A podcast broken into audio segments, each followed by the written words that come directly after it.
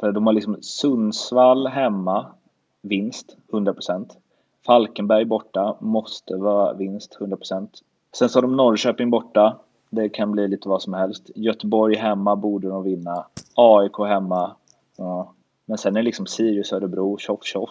Alltså jag kan, jag kan typ bara se så tre matcher som de, som de spelar nu tappar poäng i. Ja, nej, det är ett bra spelschema. Sen så eh, 100 procent och, och tjoff tjoff det, det, det funkar, funkar inte alltid så.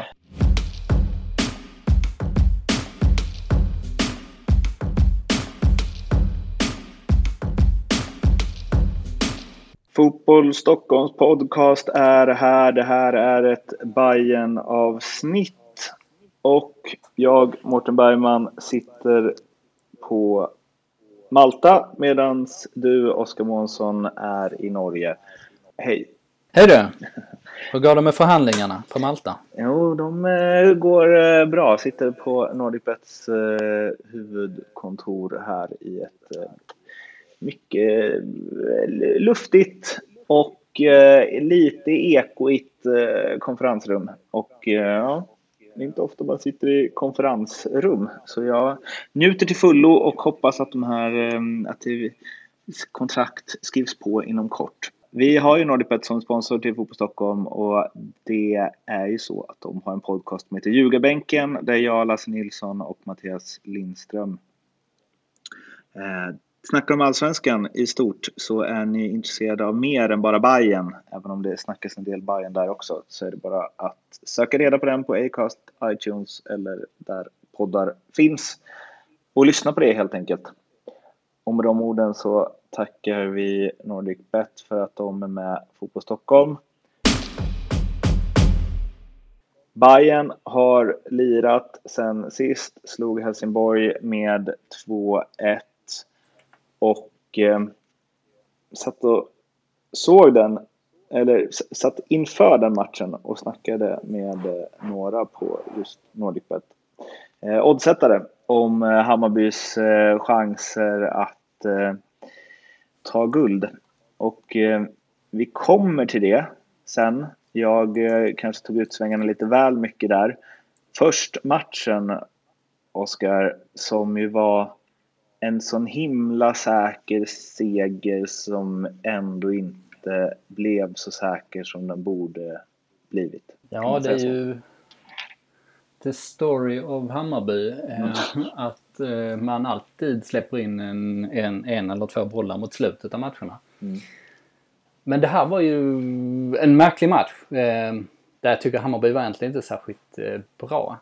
Helsingborg sjönk ju extremt lågt och hade verkar inte ha någon eh, plan för hur de skulle kontra ens. Det kändes ju liksom som det var en hålla siffrorna nere taktik. Vilket i slutändan liksom nästan då gav dem en pinne, eh, konstigt nog. Men det var i alla fall den typen av motstånd och eh, Hammarby är ju bra på att luckra upp eh, sådana försvar vanligtvis med de liksom kreativa spelarna. Men eh, ja, även om de gjorde 2-0 i första halvlek så tyckte jag inte att det var någon eh, toppinsats. Det var lite eh, mer statiskt än vad det brukar vara, åtminstone när man ser liksom på de här topprestationerna på hemmaplan. Och sen blev det ju en eh, ganska lång gäspning fram till slutet när eh, ja, Alexander Farnerud av alla personer placerade in reduceringen.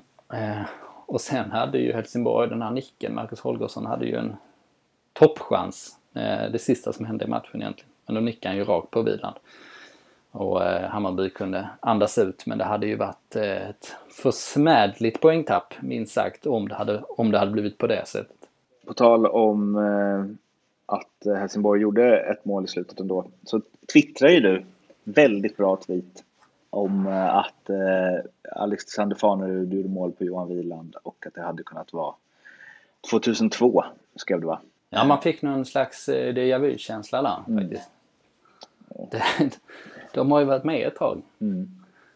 Um, ja, de lirade väl i Allsvenskan båda två då, för 17 år sedan. Mm nu är det här en Hammarby-podd, men Fanerud, alltså det är ändå fint att han håller på trots allt. Skada på skada på skada, men passionen för sporten är starkare än så. Och det är en jävla fin spelare också. Däremot en jättekonstig värvning av Helsingborg. Mm. Eh, så som de, de gör ju mycket märkliga drag. Hur de bygger sitt lag och så vidare. Um, för att det kunde man ju räkna ut med en röva och, krita, och en krita. Att han inte skulle spela så många matcher i år. Um, så det är bättre att lägga pengarna på något annat om man, om man ska hålla sig kvar i Allsvenskan eller etablera sig. Inte riktigt deras Stor skillnad. Nej, stor skillnad där. Förr i tiden så var det alltid så att liksom eh, eh, lagen från de mindre städerna, om man räknar allt, allt efter de tre stora som mindre stannar, att de var ju alltid de smartaste lagen. Ehm, eh Kalmar och Elfsborg och Helsingborg till exempel. Liksom att de byggde sina lag mer strategiskt och smartare än, än framförallt lagen i Stockholm. Inte minst Djurgården och Hammarby. Att eh, det var liksom stor kvalitetsskillnad där. Men eh, nu är det ju tvärtom. Nu är det ju Hammarby och Djurgården som är smartare än de lagen med lite mindre resurser i grunden och det är därför man ser den här eh, kvalitetsskillnaden. Att man har liksom proffs som jobbar med sina saker mm. på olika områden. Som det borde vara. Jag tänker, ja, har man mest resurser borde man ha mest kompetens också. Ja. Mm. Eh, Medan det ibland, eller tidigare har väl varit att de med mindre resurser har ansträngt sig mer. För att de måste anstränga sig mer. Precis, så kan man säga. Men eh, nej, Hammarby gör ju allting rätt i ett långsiktigt perspektiv. Det kan man ju inte nog understryka. Hammarby är toppen för att stanna och eh, kommer att ta nya steg. Otroligt intressant läge liksom truppmässigt. Man ser till vad Jesper Jansson har gjort, eh, om man bara ser till det sportsliga, vad han har gjort sedan han kom in för tre år sedan. Eh, hur truppen har vässats överallt. Eh, och eh, alla spelare som kommit in har väl varit gratisspelare egentligen. Nu, alltså övergångssummemässigt.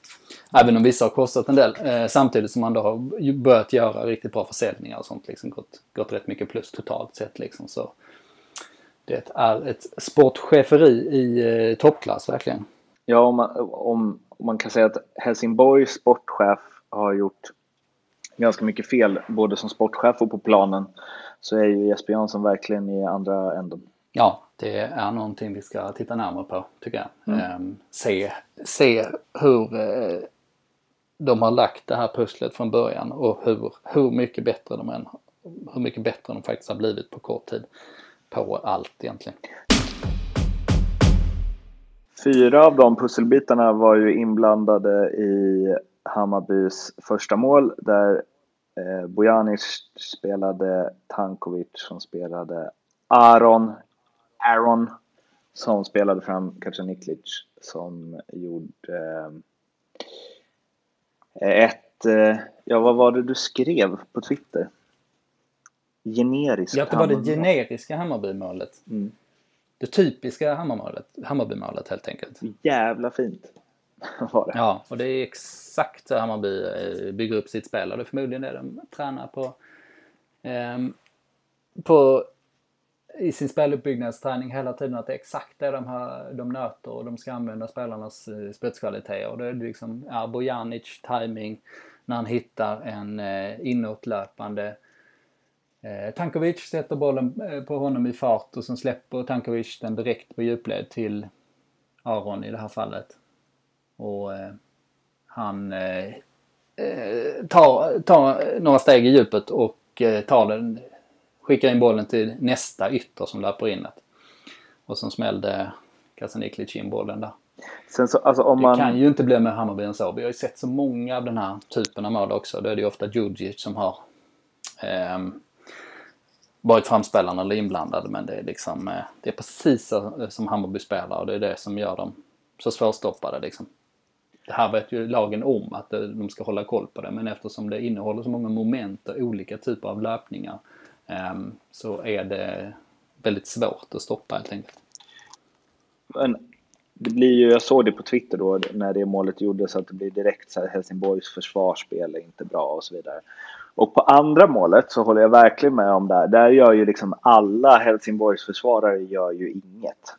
Ehm, det är liksom tre backar som inte markerar någon. Eller så här, det finns ingen spelare där de är. De bara springer ut mot bollen. Men i det första där, det kanske inte är prickfritt försvarsspel och Juventus kanske hade löst det. Men det är ju framförallt sjukt, ett sjukt bra anfall. Det går så himla fort och alla passningar sitter i exakt rätt läge. Så jag, ja, verkligen. det hade ju blivit mål mot alla allsvenska lag. Alltså ibland får ja, man hylla ja. offensiven framför att så här hacka ner på att motståndarnas försvarsspel inte är hundra. Ja, visst är det så. Nej, det är ju det som är så tilltalande. Och ja, det där att de sitter rätt ögonblick, att uh, tajmingen sitter är ju den där nyckeln. Alltså att uh, de är påkopplade och så, man säga, med aktiva tanken där att Kasaniklic, eller när Tankovic bryter in, att han slår den passen på djupet så snabbt liksom. Det tyder ju på uh, dels speluppfattningen för honom men också det här, den här självklarheten och det här samspelet som de har fått in, även om Aron är liksom helt, helt ny i det. Mm. Så är det, det är det som är nyckeln. Om, eh, det, det, normala där är väl kanske, eller det vanliga är väl kanske att eh, Tankovic när han får bollen i sån fin fart, liksom är på väg inåt, att han fortsätter och sen så när han närmar sig straffområdet, då, då tänker han att nu ska jag ta beslutet här. Ska, liksom, ska jag dra på ett skott här eller ska jag försöka hitta något eh, avancerat instick? Mm. Men här är de liksom så tidiga i eh, beslutsfattandet hela tiden att det blir så svårt för eh, motståndarna att hänga med. Och eh, ja, både Tankovic och de har ju pratat mycket om Kacaniklic grym alltså. Otroligt. Ja, han är ju hysterisk form nu. Mm. Eh, han gör ju, inte hur mycket poäng han har gjort på slutet men det är ju säkert liksom en och en halv poäng per match som han har gjort under, under sommaren på slutet. Tillbaks till det jag var inne på i början eh, då att det pratade med Nordicbets oddsättare om Bayerns chanser att vinna guld. Står i 15 gånger pengarna. Gjorde i alla fall det innan den här matchen. Och jag sa ju eh, i ett svagt ögonblick att, det verkligen, att jag verkligen inte tror att Bayern fixar det. Eh, och, och slog vad. Men, ja, det var ett dåligt beslut.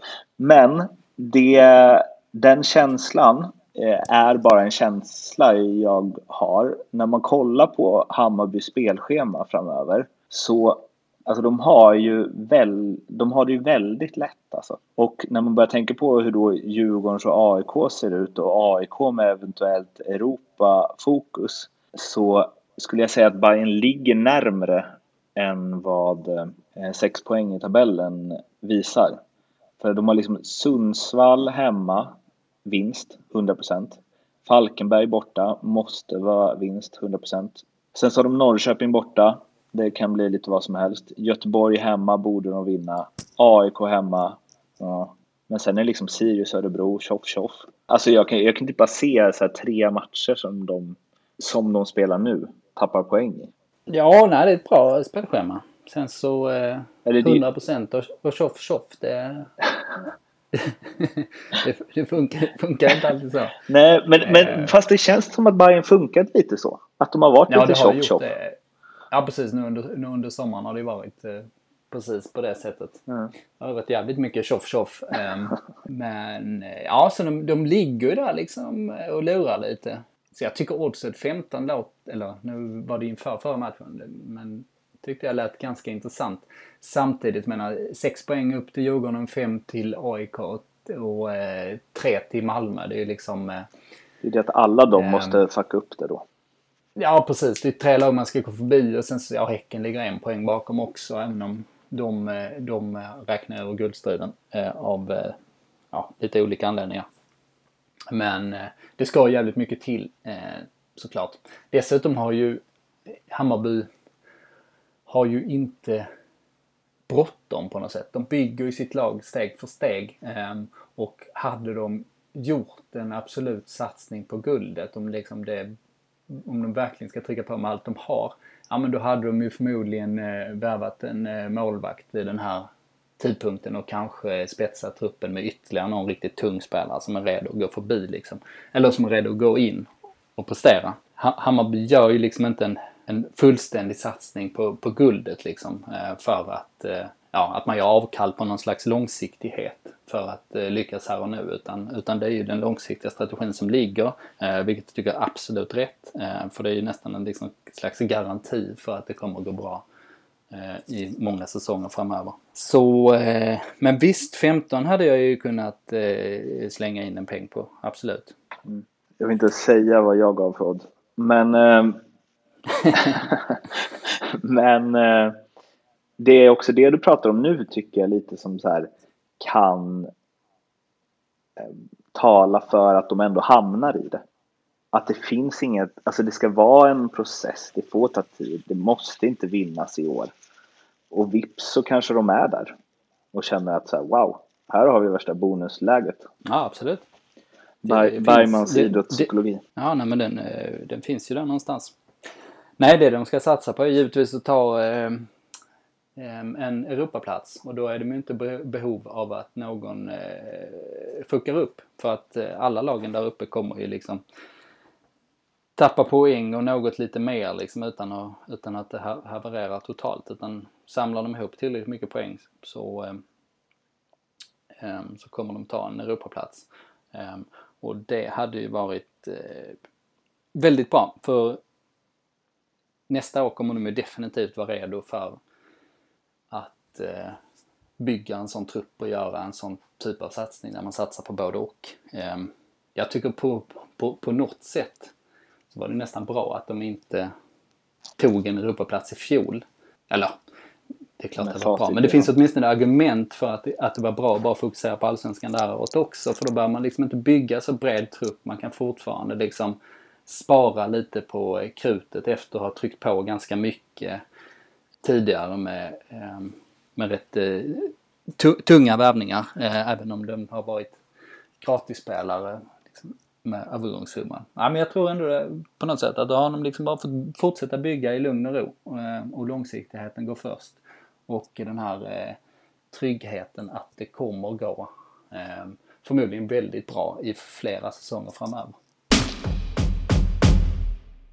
Innan vi fortsätter prata mer om eh, matchen mot Helsingborg så vill vi meddela er att det finns eh, något som är bättre än ett VIP-kort om man är bajare, nämligen ett VIB-kort. Och det är Fotboll Stockholms sponsor Sefina Pantbank som har ett sådant, står för Very Important Bajare.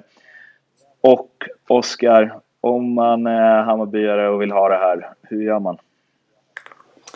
Ehm, då går man in på vib.sefina.se och sen när man väl har kommit dit så kan man nog ganska enkelt förstå hur man skaffar det här kortet. Mm.